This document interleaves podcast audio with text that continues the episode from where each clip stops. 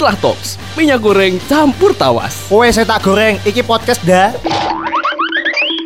Ngawuri. Halo, selamat pagi, selamat siang, selamat sore, selamat malam buat para pendengar Speaklah Talks. Wah, dan hari ini Bayu Anggap di Mari nemenin untuk ngobrol-ngobrol barengan sama musisi di sini. Wah, ada Edwin Putro di Mari.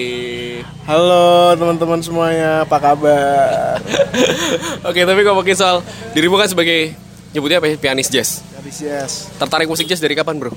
Ah, sebenarnya dari pertamanya gue belajar klasik. Iya. Habis itu em, sekitar umur 7 sampai 8 mulai mengenal musik jazz. Dulu ada legenda Indonesia eh, Bubi Chen namanya. Ah, sering datang ke kota Semarang.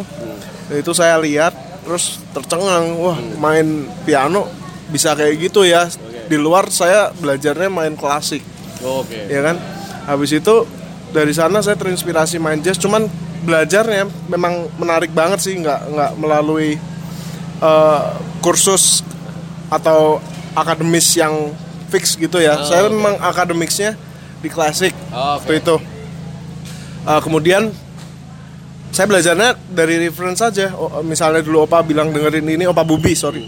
Ya saya dengerin itu em, kemudian saya cari albumnya kemudian YouTube naik di mana saya bisa mengakses semua musisi-musisi yang saya kemarin saya belajar dari situ Oke.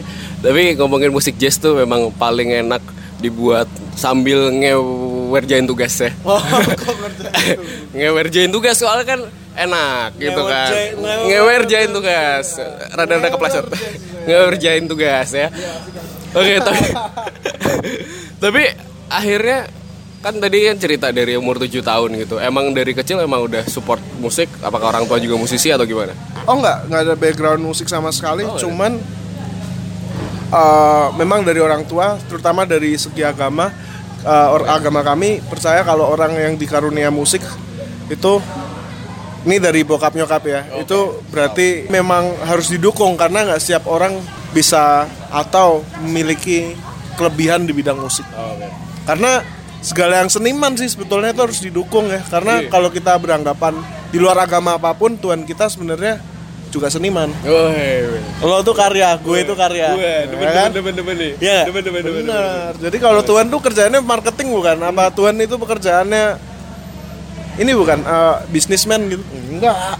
Right. Dia bikin karya, bikin dunia ini, bikin seisinya kayak gitulah analoginya. Bener ya nyiptain semesta dan seisinya ya. Wah. Tapi gini bro. Makanya jangan ngerjain tugas. Barangan. Soalnya nggak ngewe tuh enak-enak soalnya Oh, iya, ngerjain tugas, ngewedang jahe ya kan. Iya, ngewedang jahe, ngewedang jahe bagi-bagi gini enak nih. Tapi asli Semarang. Aslinya Semarang, bener. Hmm, akhirnya eh, sekarang kuliah di Ya, semenjak kuliah kemudian saya memutuskan ya saya pengen serius di musik, orang tua mendukung walaupun mama sih awalnya tidak karena berpikiran bisa dikembangkan selain dengan jalur akademis. Oh, Oke. Oke, cuman saya memutuskan uh, dan kebetulan akademis saya yang lain sih emang bagus-bagus aja. Wah, Gak apa-apa, sombong gak apa-apa, gak apa-apa. ya. Gak apa-apa, ya kemudian terus memutuskan untuk di musik ya saya konsisten. Oh, saya harus oke. kalau toh tidak saya harus bermanfaat buat masyarakat. Wah, dalam, dalam nih, bermanfaat bagi masyarakat. Tapi kalau ditanya seberapa cinta sih sama musik, bro? sampai sekarang sih seneng banget gitu ya maksudnya bagian ya sampai ketemu Ya, sampai ketemu lagi. bagian bagian terutama saya dalam hidup dan kemudian memang belum pernah tuh bosan mudah-mudahan jangan ya memang katanya setiap orang pasti ada titik jenuh Iya, gitu ya bener, bener, bener. cuman kadang memang dari titik jenuh itu mungkin orang itu menemukan sesuatu biasanya cuman saya sih puji Tuhan belum pernah sih kayak jenuh segala macam hanya eh, isinya memang seneng aja gitu Hmm. ketika di dunia ini saya merasa saya bebas saya bisa ekspresiin apa yang saya mau gitu Wah, manis. Ngomongin soal ekspresi nih, gitu kan. Seniman butuh banget platform ekspresi. Tapi apakah dirimu tuh memang tipe orang yang explore musik? Apakah cuma memang dengerin jazz doang? Apa semua genre didengerin juga? pada awalnya atau mungkin nggak pada awalnya sih saya berangkat ini agak lucu sih saya berangkat Kenapa? dari musik klasik Oke. jadi saya juga uh, melayanin di uh, uh, ibadah di ibadah gitu saya jadi mau nggak mau saya mengenal musik pop gitu ya. cuman saat ini terus waktu saya pindah ke Jakarta saya fokus di musik jazz dan memang majority-nya belajar di jazz saat ini ya. Cuman tidak memungkinkan saya untuk melebarkan sayap aja dalam artian saya juga bantuin pop ya, main pop pop eh, ngerasain tuh jadi session player. Tapi itu bukan tujuan utama saya. Oke. Jadi saya tujuannya saya main session segala macam. Kebetulan ini terakhir sering bantuin Isyana Saraswati. Terus kemudian juga bantuin Marion Jola. Nah, saya tidak mengincar untuk menjadi salah satu session segala macam. Tidak, tapi tujuan utama saya adalah membantu teman saya yang butuh. Oke. Ya kan? Siap, siap. Saat dia nggak bisa, saya bisa saya bantu dong gitu aja. Tapi tentunya membantu terus bukan berarti saya setengah hati segala macam ya enggak karena tentunya kalau membantu ya harus Pure ya. pure dong ya maksudnya eh, kalau namanya membantu tuh harus sepenuh hati aja gitu kan Eh, bukan berarti terus saya jadi nyepelein segala macam enggak tapi memang ada manfaat yang lain ya selain saya mengenal musik-musik lain kemudian saya menemukan teman-teman baru gitu ya untuk mungkin ke depannya kalau misalnya bikin ingin bikin karya gitu jadi mengenal banyak orang yang lain kayak gitu Tapi ngomongin soal Marion Jola nih bro, kan gue pernah juga nih MC doi kan. Awal awal waktu ketemu Marion Jola gitu, waktu ketemu bantuin, kayak gimana sih? Ceritanya gimana tuh? ya asik banget aja sih orangnya terus saya puji Tuhan aja saya yang nemuin asik Wangi gak? Wah, waduh gila lo bro. Jadi ya saya eh, membantu mereka-mereka ini Oke. dan mereka nggak yang terkenal, maksudnya gini, nggak nggak nggak yang stigma ya masyarakat misalnya seleb atau artis itu ngartis gitu bahasanya. Oke. Enggak, saya ketemunya mereka-mereka yang saya bantuin, mungkin pasti Oke. ada gitu ya, pasti ada mungkin. Eh, tapi yang saya bantuin kayak Narion Jola Isyana Saraswati Well, apalagi Isyana Well dia musisi gitu, Iya. jadi sebenarnya dia menempatkan diri dia juga sebagai Sebagai musisi ya. musisi juga. Jadi nggak ada perbedaan segala macam ya. Kita serunya di situ saya menemukan banyak-banyak hal yang saya kira wah di pop tuh pasti ngediva atau ngartis banget gitu. Enggak juga ternyata. Sepanjang yang saya baru kenal. Kenal ya. Tapi soalnya berhubungan sama dua dua musisi ini, emang yang satu Marion pernah MC-in. Kalau Isyana pernah interview tapi lewat telepon. Oke, oke. Waktu itu. Emang eh Isyana sih terutama sih. Mungkin ada sedikit pertanyaan gitu buat Isyana. Emang se se se ekspresif itu ya orangnya? Iya memang gitu orangnya. Emang gitu lucu ya? banget lucu. Eh, terus eh, yang saya tahu sering ini ya sering kagok. Apa sih istilahnya? Salah ngomong gitu. salah ngomong ya, ya.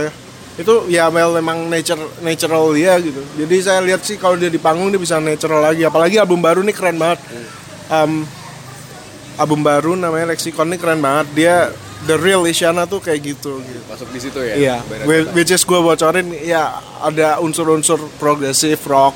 Wah, sadis, ada progressive rock. Tapi gini mungkin eh, musik klasik sama musik jazz kan itu susah-susah gampang ya. Bisa dibilang susah atau kalau menurut kamu gimana sih? Menurut saya musik klasik atau jazz secara musik dia kompleks, paling kompleks ya.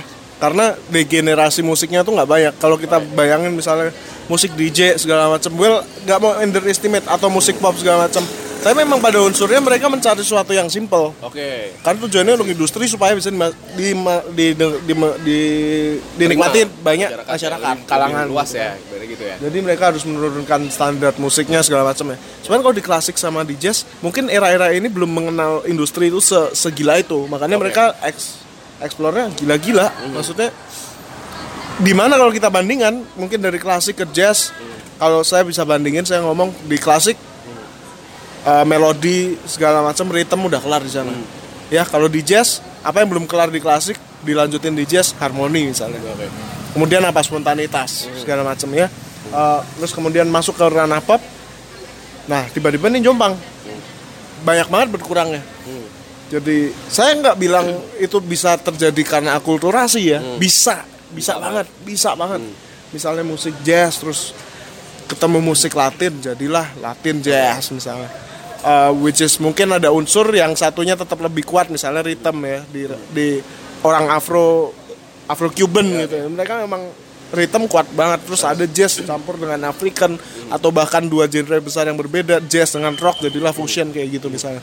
Uh, ada unsur yang berkurang ada yang unsur yang bertambah gitu cuman kalau di dunia pop makin ke sini makin ke sini unsur-unsur musiknya makin hilang Oke. Well, Kenapa tuh? eh, yang saya tadi bilang supaya Lebih bisa make it diterima. as simple as yo bye make it as simple as possible gitu kan Hmm, orang mikirnya uh, well nggak ada yang salah nggak ada yang benar cuman kalau saya saya belajar akademis saya harus mengungkapkan itu aja Oke. cuman tidak ada yang salah tidak ada yang benar saya Oke. lagi kan Uh, karena ya industri memang well industri industri seni seni Seni, Ja- jatuhnya kayak gitu jadi kalau musik jazz atau klasik saat ini diterima sebagai musik artistry Oh. musik apresiasi gitu kan apresiasi, jadi nggak banyak semua orang yang nggak nggak semua orang bisa menikmati Oke. seperti itu Oke. Kayak gitu. Tapi musik jazz sama klasik ini apakah dirimu bisa dibilang idealis di sini? Seperti yang saya tadi udah sampein kalau saya seneng ya saya seneng jazz gitu. Terus klasik juga saya mengenal lama banget. Udah bahkan saya belajar klasik mungkin lebih lama daripada belajar jazz gitu ya. cuma sekarang eksisnya bukan eksis eh, sekarang aktifnya aja di jazz, jazz, gitu ya. oke. Eh, well kalau dibilang idealis sih mungkin saat ini masih separuh-separuh kali ya. separuh-separuh, Yes, sa- menurut saya perlu untuk kita tahu jati diri, tapi sangat sayang kalau kita sudah menutup diri sebelum waktunya. Maksudnya Oh, oke. saya pikir saya masih muda gitu. Oke oke. Maksudnya kalau saya main pop gitu ya buat saya referensi belajar gitu kan. nggak ada ruginya juga. Hmm. Uh, well nanti kalau suatu saat mungkin udah berusia udah apa udah jadi misalnya mikirnya seniman gitu mungkin akan idealis. Oh, oke. Tapi untuk musisi deh, s- eh, perlu nggak sih sebagai seorang musisi itu idealis? Sebagai seniman harus idealis. Harus ya, harus ya. Harus. Tapi sebagai manusia tunggu. Uh, Oke, ada Lo kan perlu makan, dapur tuh perlu nyala kan? Oh iya, benar benar benar benar benar benar. Iya kan? Iya, bener, bener, bener, Iya makanya. Kayak gitu sih kalau saya. Seniman ya, ya harusnya idealis. Harus idealis ya. Harusnya idealis. Gi, ini tadi sempat ngecek Instagram dirimu juga Eh, nyari uang jajan dari musik. Wah. Emang segitunya ya, Bro? Maksudnya eh, memang sebegitunya mendedikasikan ke musik. Em, eh, saat ini sih iya karena terus saya ngerasain juga orang banyak bilang mau jadi apa musisi gitu ya. Ya well saya memang belum maksimal saya kasih tahu ya belum maksimal cuman sepanjang yang saya jalanin ini kok baik-baik aja maksudnya. Orang harus bisa bersyukur juga. Oke. Orang memang nggak nggak boleh rakus maksudnya. Ya kan? Eh, apa yang saya jalanin ini bukan berarti merasa puas, cuman berindikasi baik gitu aja. Hmm, Harus berindikasi baik ya, berarti. Ya, kalau misalnya indikasinya baik ya, well, kalau orang punya iman lakuin aja yang terbaik gitu kan. Nanti ke depannya kayak apa kan, biarlah mengalir, tapi jangan bodoh. Hmm. Oke, tapi memang dari kecil emang decide untuk ya udah mau mau hidup dari musik gitu. Eh, Sebenarnya akhirnya sih mungkin iya, tapi belum tahu nextnya. Iya sih, iya, karena berindikasi baik gitu. Dari kecil emang udah ibaratnya iya, iya. arah ke sana ya. Oke. Nah, ini mungkin buat buat anak-anak muda yang memang memang apa ya, mau terjun di musik gitu kan. Dasar-dasar apa sih yang harus dipunyai sama mereka? Well, kalau misalnya pingin di musik, eh, nggak ada salahnya untuk kita bisa mempunyai cita-cita untuk jadi musisi. Atau kita pingin menjadi apa pun di bidang musik, ada komposer, ada arranger, ada ada instrumentalis misalnya, ada ada session player, nggak ada yang salah. Cuman eh, menurut saya kalau udah pure bener di musik, one day sih nanti memang yang saya yang saya prediksi pasti nanti ditemuin dua pilihan which is lo mau duit apa lo mau berkarya kayak Oke. gitu. Dan diri lu udah ngerasain sekarang. Ah, belum begitu cuman sudah bisa sedikit banyak mengerti maksudnya begitu kan Oke.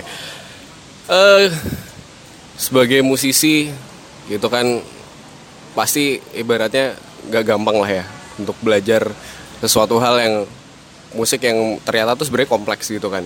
Pernah maksudnya ada dirimu kalau misal latihan gitu-gitu kayak gimana, Bro? oh ya kalau saya latihan sampai sekarang ya kalau lagi normal sih. Waktu itu pernah gila saya latihan sehari 8 jam. Gitu. Ya, kalau kita latihan klasik saya latihan klasik kemudian saya uh, ngulik ya. Kalau jazz tuh istilahnya mungkin bukan latihan tapi ngulik kali. Kita dengerin banyak reference. Pelajarin apa sih dia main apaan sih kayak gitu terus kita terapin ya kalau sampai sekarang mungkin sehari tuh minimal lo harus pegang alat gitu doang aja udah biar enak gitu. Oke. supaya ya kayak oli aja eh kayak handle pintu itu Ya. kalau udah lama dipakai dia akan eh, apa namanya? Se- sentep Ah, seret deh seret deh iya kayak kita oliin aja tiap hari gitu Oh. kita latih jadi supaya analoginya kayak gitulah Oke. Jadi siap kapan pun mau dipakai gitu. Waduh, siap kapan untuk dipakai ya. Kamu mau dipakai Wah, latihan dulu. enak dulu. bener, bener kalau nggak enak nanti wah endingnya nggak enak juga gitu kan harus enak dulu semuanya. Orang PDKT juga gitu, awalnya harus enak dulu ya kan. Bisa belum, lagi belum udah nggak enak nanti nggak ada yang bisa dijanjiin dari cowoknya ya. Bener. Iya dong, di podcast mah bebas mau ngomong apa aja, mau ngomong jorok boleh, mau ngomong apa aja boleh. Selau, selau kita. Eh tapi eh, setelah pindah ke Jakarta, apakah ini memang jadi salah satu titik perubahan dalam dirimu? Uh, well kalau untuk seperti itu saya bisa bilang ya karena memang uh, siapa temanmu itu mempengaruhi dirimu di Jakarta perkembangan soal begini ya baik di industri maupun di hal yang sifatnya segmented itu pesat. Oh, Oke. jadi bertemu komunitasnya dengan orang-orang yang mungkin lebih serius atau bukan lebih serius mungkin lebih paham gitu. Oke. jadi mereka lo akan ke trigger Oke. ya nggak? Kalau Iya. misalnya kita di misalnya di suatu kota gitu udah paling bagus gitu belum tentu loh di kota yang lebih maju kita bagus sebetulnya ya. Makanya saya pindah Jakarta sempat juga kaget. Oh, Oke. perasaan lu di Semarang gue jago. Gitu ya, iya kan? Iya, iya, bener, bener, bener, bener. selepas dari jago nggak jago tapi memang skill itu tanggung jawab juga. Oke. itu kayak ibadah aja. Lo nggak harus ngungkapin sih tapi ya kan? Lo kalau berdoa misalnya orang muslim sholat gitu nggak harus tunjuk nunjukin Iya, bener, bener, bener. tapi itu tanggung jawab aja. Iya, bener, tanggung jawab. kayak gitu. Biar wisdom lo yang tahu lo sama Tuhan lo. Kan kayak Wah, gitu iya, kan? Bener, bener, setuju sih. Iya. Setuju, nggak perlu diumbar-umbar ya kan? lo diumbar gitu. Gitu. Eh tapi ngomongin soal musik gitu kan. Dalam berkarya tuh kan mesti harus bertanggung jawab. Kalau menurut lo kayak gimana? Ya. Setiap karya harus bertanggung jawab lah ibaratnya gitu. Bertanggung jawab itu aspeknya luas karena bisa dilihat dari tujuannya bikin karya itu apa. Tapi ini nggak harus dimengerti semua orang ya menurut saya ya. karena seni yang tertinggi itu yang tahu hanya dirinya. Oh oke. Sebenarnya ya. Oke ya nggak sih? Iya, iya. jadi tanggung jawaban ya as long dia bikin itu jujur dia nggak nyontek orang gitu misalnya.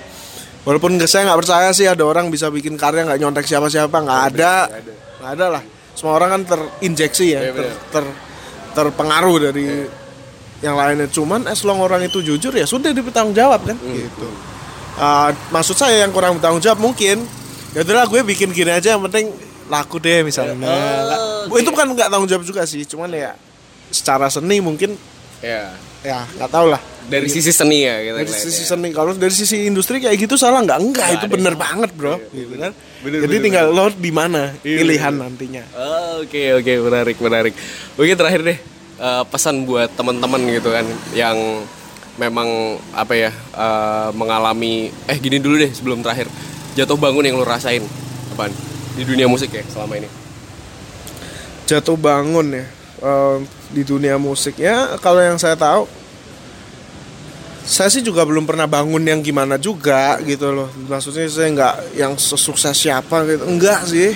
Cuma belum lah ya belum. Cuman ya mungkin dari situ ya saya ja- jadi nggak pernah ngalamin jatuh yang gimana dalam arti saya merasa down segala macam enggak positif aja gitu kan. Eh, cara pikirnya positif aja. Jadi ketika misalnya lo belum main belum apa mungkin anggaplah kalau misalnya belum banyak job ya lo harus latihan di situ. Kayak gitu mikirnya. Jadi nggak nggak ada ruginya mikir positif kan. Iya benar bukan berarti lo mikir wah gua nggak banyak job nih jadi gini gua lagi jatuh. Nggak gitu mikirnya. Mungkin lo harus banyak latihan dulu. Oke. Eh, senjata tuh siap sebelum dipakai Wah bener bener bener. kalau mau perang AK-47 nya macet gimana dah? jadi benerin dulu ya kan? Gitu ntar. Ya, kalah ntar kita Oke, eh, terakhir mungkin buat musisi-musisi Semarang kan, dirimu dari Semarang juga. Pesan mungkin ada yang pengen disampaikan. buat musisi Semarang kalau saya nggak apa-apa ke Jakarta banyak teman-teman yang takut ke Jakarta nggak apa-apa jangan takut untuk terbelakang loh kalau nggak tahu kalau takut ke terbelakang anda nggak tahu anda di belakang ya kan Bener bener bener. kalau anda ke trigger anda ke Jakarta anda begini-begini nanti pul besok pulang Semarang nggak apa-apa Iya, bener bener. ya kan Iya, iya. perang dulu aja Terang dulu ya. ya iyalah kalau nggak nanti daripada di Semarang ngerasa pinter lebih baik jadi orang bodoh di Jakarta lama-lama jadi pinter Wah, manis epic closing. Thank you Edwin Putro. thank you Sukses selalu, brother. Mantap.